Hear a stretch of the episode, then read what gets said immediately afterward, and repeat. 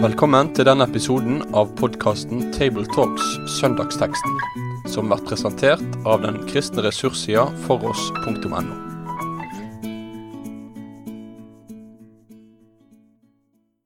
Vel møtt til en ny samling om Guds ord, søndagens tekst. Denne gang er det samling om teksten for domssøndagen, siste søndag i kirkeåret. Og i år er det lignelsen om de fem kloke og de dårlige jomfruer fra Matteus 25, vers 1. Vi er samlet her, Egil Sjåstad, Svein Granrud og jeg. Jeg leser teksten. Da skal himlenes rike være å ligne med ti jomfruer som tok, imot, tok sine lamper og gikk ut for å møte brudgommen. Men fem av dem var uforstandige og fem kloke. De uforstandige tok sine lamper, men de tok ikke olje med seg. Men de kloke hadde også tatt med seg olje i kannene sammen med lampene sine. Da det dro ut før brudgommen kom, slumret de alle inn og sov. Men midt på natten lød det et rop, Se, brudgommen kommer, gå ham i møte.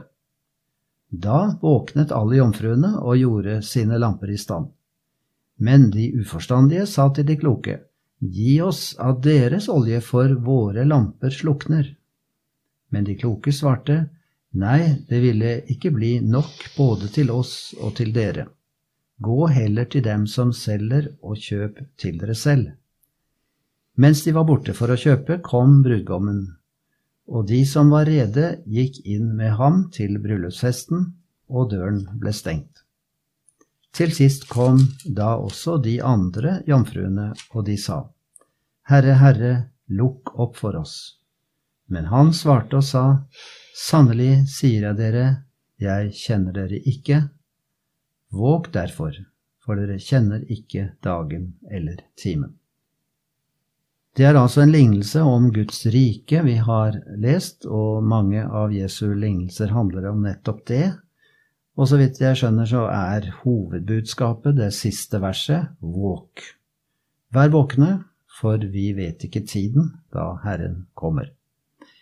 Men det er jo en spennende beretning med mange interessante detaljer, og hvordan skal vi forholde oss til alle disse detaljene, brødre? Det er ikke alltid like lett, da. Jesu lignelser som inneholder mange detaljer. Der er det ikke alle detaljene det er mulig å spille for mye på. Det kan fort bli en sånn mer vilkårlig allegorisering.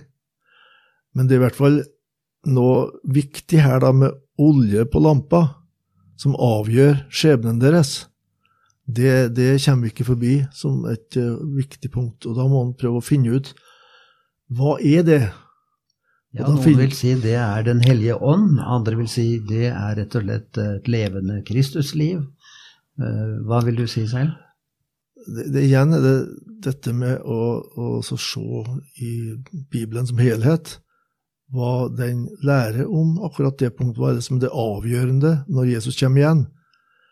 Eh, og det er det oljen vitner om. Og det, Den hellige ånd i livet, det er en dimensjon ved det. Det å være frelst, det å tro på Jesus.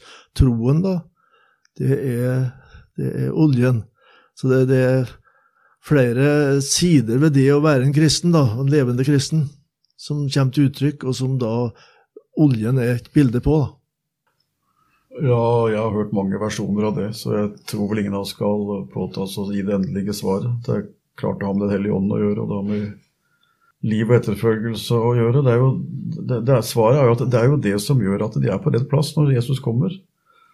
Jeg husker for mange mange år siden jeg satt over lørdag ettermiddag, for det var da det programmet gikk, og hørte trafikk og musikk. Det begynner å bli lenge siden, så da skjønner folk hvor gamle vi er, vi som sitter her. Mm. Og Oddvar Folkestad han spilte alltid en såkalt religiøs plate hver gang. Og En gang så smelte han til med Åge Samuelsen, som sang omtrent sånn Spør du et etter meg, så er jeg der. Så er jeg der hvor Jesus er. Og så var det noe tamtaratam og noe greier, og det var friskt og skikkelig Maranata-stil. Og jeg satt og tenkte ja, men du, det var ikke noe dårlig tekst.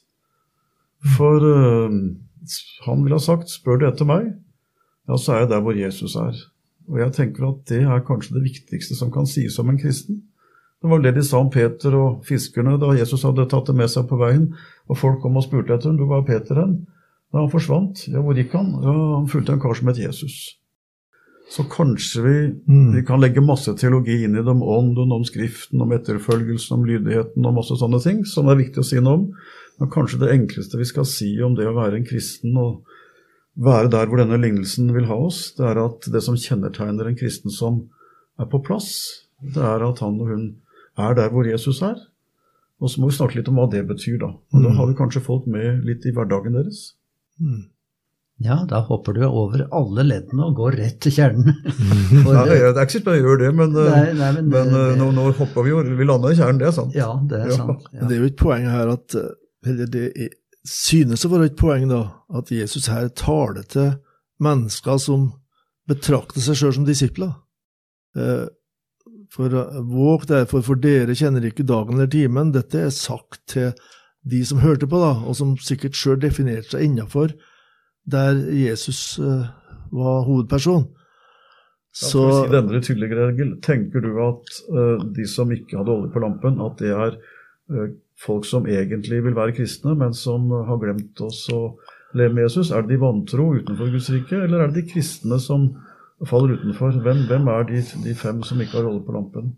altså de, er, er de, de vantro, de som er langt utafor, de vil ikke være interessert i å høre om en sånn brudgom som kommer. Sånn tenker jeg. Mens her, eh, på en eller annen måte, er det en advarsel om at det går an å tilhøre liksom, eh, store, den store flokken, og likevel ikke være rede. Så det er et poeng med lignelsen, tror jeg. Ikke bare oljen, men også akkurat det punktet at det, det går an å være, tilhøre dem som tror alt er bra, uten at det er bra. De står der med fakkelen og er veldig synlige med hva den som Ja. venter, eller i hvert Ja. tilsynelatende venter på brudgommen, kanskje til og med gjorde det. det Ja. Og så var det noe som For Fortsatt skal ikke forberedt seg med olje på Ikke sant? Mm. kannene. Ja. Så det, det, jeg tenker denne teksten skal vel være selvransakende for troens folk, ikke primært en tekst til uanvendte. Jeg tror ikke det er poenget 50-50, da. Nei. Det er vel bare en måte å få Ja, fram på at det er to grupper. Det er pedagogikken i det. Men poenget er at det er et alvor her. Det går an faktisk å bedra seg sjøl. Jeg har lest et sted at denne måten å feire et bryllup på, den eksisterer blant jødene den dag i dag. Og det å være oppe om natta og vente på osv. Så, um, så det er nå én ting. Det andre aspektet er jo at um, bildet om menigheten som Kristi brud er jo antydet allerede fra Hosea osv. Det var en fattig brud du valgte deg, men bruden, det var valget, det var Valget, ditt. det var ditt, ja. Fantastisk sang, syns jeg. Eh, og han valgte, men det interessante er at bruden er ikke nevnt her, men det er ti.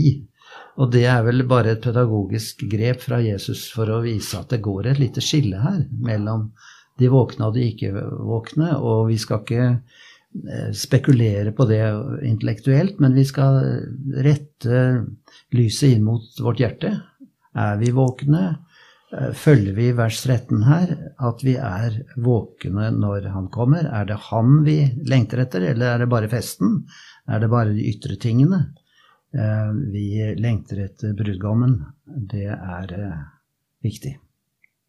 Det står jo om en som het Demas, Paulus skriver om, som forlot han fordi han fikk den nærværende verden kjær. Så det betyr vel at her har vi en av disse brudepikene eller jomfruene som det ble lite olje hos, for det ble så mye blikk mot det som ble kjært og viktig i denne verden. Eh, Og så går det an kanskje å leve innenfor troen og kristenlivets ytre rammer med et hjerte som eh, ikke er der det skal være, nær Jesus. Det er vel en av de tingene som kan skje, som gjør at når eh, dagen kommer, eller Jesus kommer, så, ja, så har vi ikke olje. Det er et poeng også her i sammenhengen at de alle sovna. Spørsmålet er hvis en skal gjøre et nummer av det, at det er et poeng i teksten at alle sovna. Eh, Hva betyr det, da? Når Jesu eh, eh, oppmuntring til slutt er våg derfor, så må de ha gjort noe galt da, ved at de sovna der, eller de må spore av de også. Alle ti, ikke bare de fem. Og det har leda bibeltolkere til å tenke at dette er rett og slett uttrykk for at folk dør før Jesus kommer igjen. En som heter Schenk, som da har gjort et stort nummer av det, og som mange har fulgt han i tanken, da, at det at de alle sovna, det er uttrykk for at de sovna i døden. Og så kommer oppstandelsen, og så blir det store spørsmålet hvor, hvor har du ditt forhold til Jesus? Har du lyskilden? Jeg er ikke sikker på at dette er riktig, at det kan bli å tolke for mye inn i teksten, da. Men det er jo et poeng at alle skal vi dø. Og etter døden så følger dommen og oppstandelsen. Og da avgjøres det. Men det er jo også mulig eh, å, å, lese det tidshistorisk og si det at det her er kirkens historie, hvor du får en aktivitet, stor forventning, men mot endens tid så blir det mer og mer sløvt, og så kommer det man kaller brudevekkelsen, altså en stor vekkelse like før Jesus kommer igjen. Men det tror jeg er også litt spekulativt, eh, og ikke skal være en, en linje å følge i dette. Fordi at jo mer vi går inn i slike spesielle tolkninger, jo mer kan vi miste fokus på det at det er forholdet til Jesus det kommer an på. Det er sånn i en del uh, tolkninger av lignelser at de som går veldig detaljert inn i det, de finner gjerne sine egne kjepphester nettopp i de dunkle sidene ved lignelsene. da. Så det, en skal være litt forsiktig med å utfolde den den siden. Sporene skremmer nok litt når det gjelder lignelsestolkning. Særlig de som helt klart kan utlegges på flere, på flere vis. Mm. Jeg tenker vel at um, Jesu disipler i Getsemane den siste kvelden, mm. de sovnet de også. Men det betydde ikke at de mistet disippelforholdet, men de, de var slitne og hadde vel tenkt å være våkne, og så mm. sovnet de. Mm. Det kan være også en, også en variant. Mm. Og så tror jeg kanskje Jesus er så livsnær at han vet at også et aktivt kristenliv, det, det, setter, det fører mange Vi blir slitne, vi blir trøtte. Og så kanskje han ville ha sagt at uh, det står ikke på at du hele tiden ser mot horisonten, kommer han. At du hele tiden er opptatt av tegnene, og at du får en sånn type endetidsfokusering, som også i noen miljøer har vært overdrevet, at det ble alt hva det dreide seg om. Mm. En god forvalter, han planter sitt tre, han høster sin frukt, han steller sin vingård, han holder sitt geskjeft oppe som en god kristen forvalter, og lar tankene også kretse om det. Men under det hele så ligger at en vet en lever med Jesus. Så kanskje det er en type rett og slett som hverdagsrealisme i det. Du blir sliten, du blir trøtt, du har mange ting å stille med, men hvor er hjertet ditt? Mm. Eh, er du der? Vi hadde en samtale for ikke så lenge siden om den daglige stunden med Jesus, Martha og Maria. Maria som tok tid til Jesus. Kanskje det er noe sånt ville Jesus ha sagt. Ta det mm. ned i det hverdagslige. Og så får vi la dem stå der, alle disse med de spenstige tolkningene. Men det dreier seg om å være Jesus nær, og så får vi spørre hvordan kan vi være det. Det er noen som sier det at vi må slutte å preke så mye om omvendelse og vekkelse, for de er jo kristne allerede, og vi, vi er jo ferdig med dette her. Men jeg syns jo denne teksten er veldig selvprøvende med dette, at jeg må leve i vekkelsen hele tiden.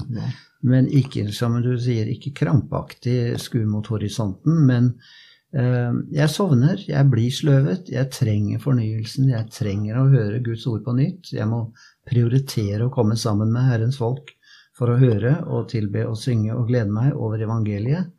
Og det holder meg våken hvis jeg mm. er tett ved Jesu det står gjerne 'våk og be' også, vet du. Ja, og jeg tenker, hvis, hva, hva, hvordan våker jeg? Da ville jeg ha sagt det beste måten å våke er vel å regelmessig lese Guds ord. For det å sitte og holde seg våken så jeg ikke blir trøtt, det er jo ikke noe prestasjon. Men våken, det å være våken må vel lære å gjøre at jeg gjør det som holder meg nær Jesus, da. Jeg stoppa opp her nå nettopp for det uttrykket at Jesus sier, eller ja, Herren sier, 'Jeg kjenner dere ikke'. Så det skildrer de som ikke har olje på lampa, at han ikke kjenner dem.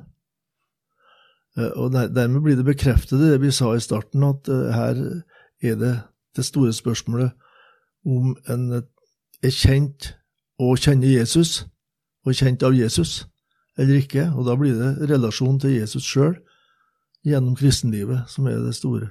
Så jeg er enig med deg, Asbjørn, i at, at i, kristne forsamlinger nå så har vi lett for å tenke at alle er troende. Eh, og vi trenger den vekkelsestonen, altså. Det er tydelig at Jesus her bevisst bruker den. Våg derfor, dere kjenner ikke dagen eller timen. Som, og vi har bøker også. Våre lamper slukner, ikke sant? Eh, som kan eh, sikkert spore av i forskjellige retninger, eh, også som ikke er sunt. Men allikevel er det noe med den vekkelsestonen at vi i kristne miljøer trenger dette evighetsalvoret lagt fram for oss. Og det blir spørsmål kjenner jeg Jesus, og kjenner Jesus meg, eller ikke? Mitt forhold til Jesus sjøl. Det er mange vekkelser som starter med at de kristne nå kommer under selvprøvelse, mm. at de må ta sitt gudsforhold opp.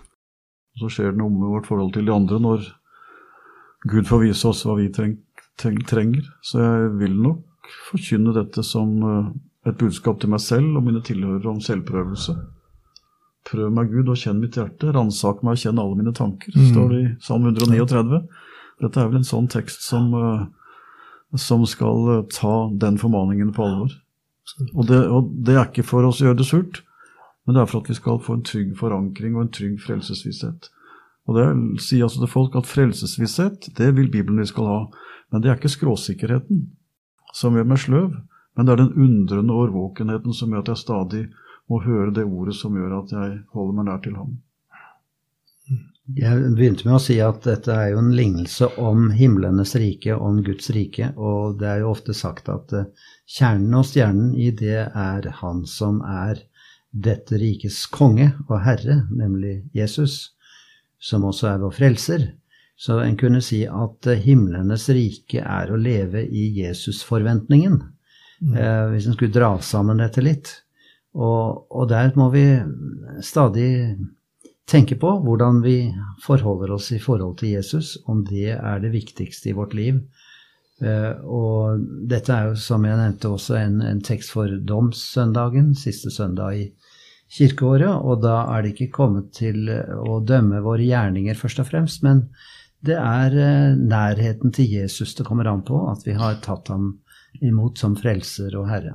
Mm. Så kan vi minne om til slutt også at det greske ordet for dom betyr egentlig å sette skille. Mm. Derfor er ikke den ytterste dom først og fremst en lang prosedyre og en lang forklaring, men det er at det settes et skille. Det setter Jesus i mm. det samme kapittelet, og det er det den teksten gjør oss oppmerksom på. Alvoret i det. Vi har av og til i disse samtalene snakka om hvordan vi vil avslutte preike om denne teksten her. Så jeg kom på det nå at jeg ville gjerne ha sagt noe om at det er du som du som kjenner Jesus og er kjent av Jesus, du er på vei til et bryllup, en fest. Og det er noe av det største eh, selskapeligheten kan oppleve, da. Og Bibelen bruker det veldig ofte. Både bryllup, ikke bare knytta til at de to forenes i, i, bryllupet, men at det er en stor fest der, der jeg er invitert.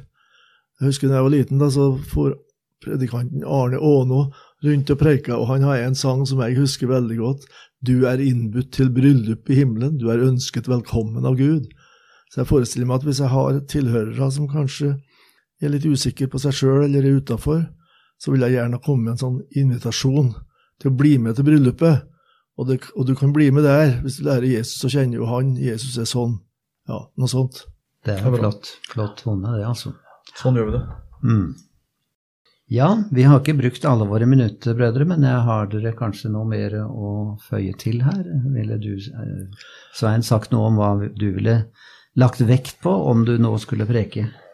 Nei, Jeg ville prøvd å ha en kombinasjon av dette litt jordnære som, som, gjør at dette kommer inn i vår hverdag, og samtidig det utblikket som Egil nå hadde. Jeg tenker Begge deler høres med, og det gjør det også Jesu forkynnelse. Han hjelper oss i vår hverdag til å stille de spørsmålene som, eh, som, skal prøves eh, i min hverdag, og ikke minst at jeg setter tid til å lytte til Jesu ord, slik at jeg holdes våken. Uten å lytte til det ordet, så blir jeg sløv, uansett hvor aktiv jeg måtte være på det ytre felt. Og så må jeg løfte blikket og se en horisont hvor det lyser fra en sal som allerede er dekket, og hvor vi er invitert til bryllup. Det lære og det som lyser hos oss i møte, det, det er en god balanse, tror jeg. Mm. Ja, da takker jeg for samtalen og ønsker dere lykke til, dere som skal tale over denne teksten. Jeg minner også om at dette nettstedet for oss har veldig mange gode ressurser for dere som er forkynnere. Takk for nå. Med det sier vi takk for følget for denne gang. Finn flere ressurser, og vær gjerne med å støtte oss på foross.no.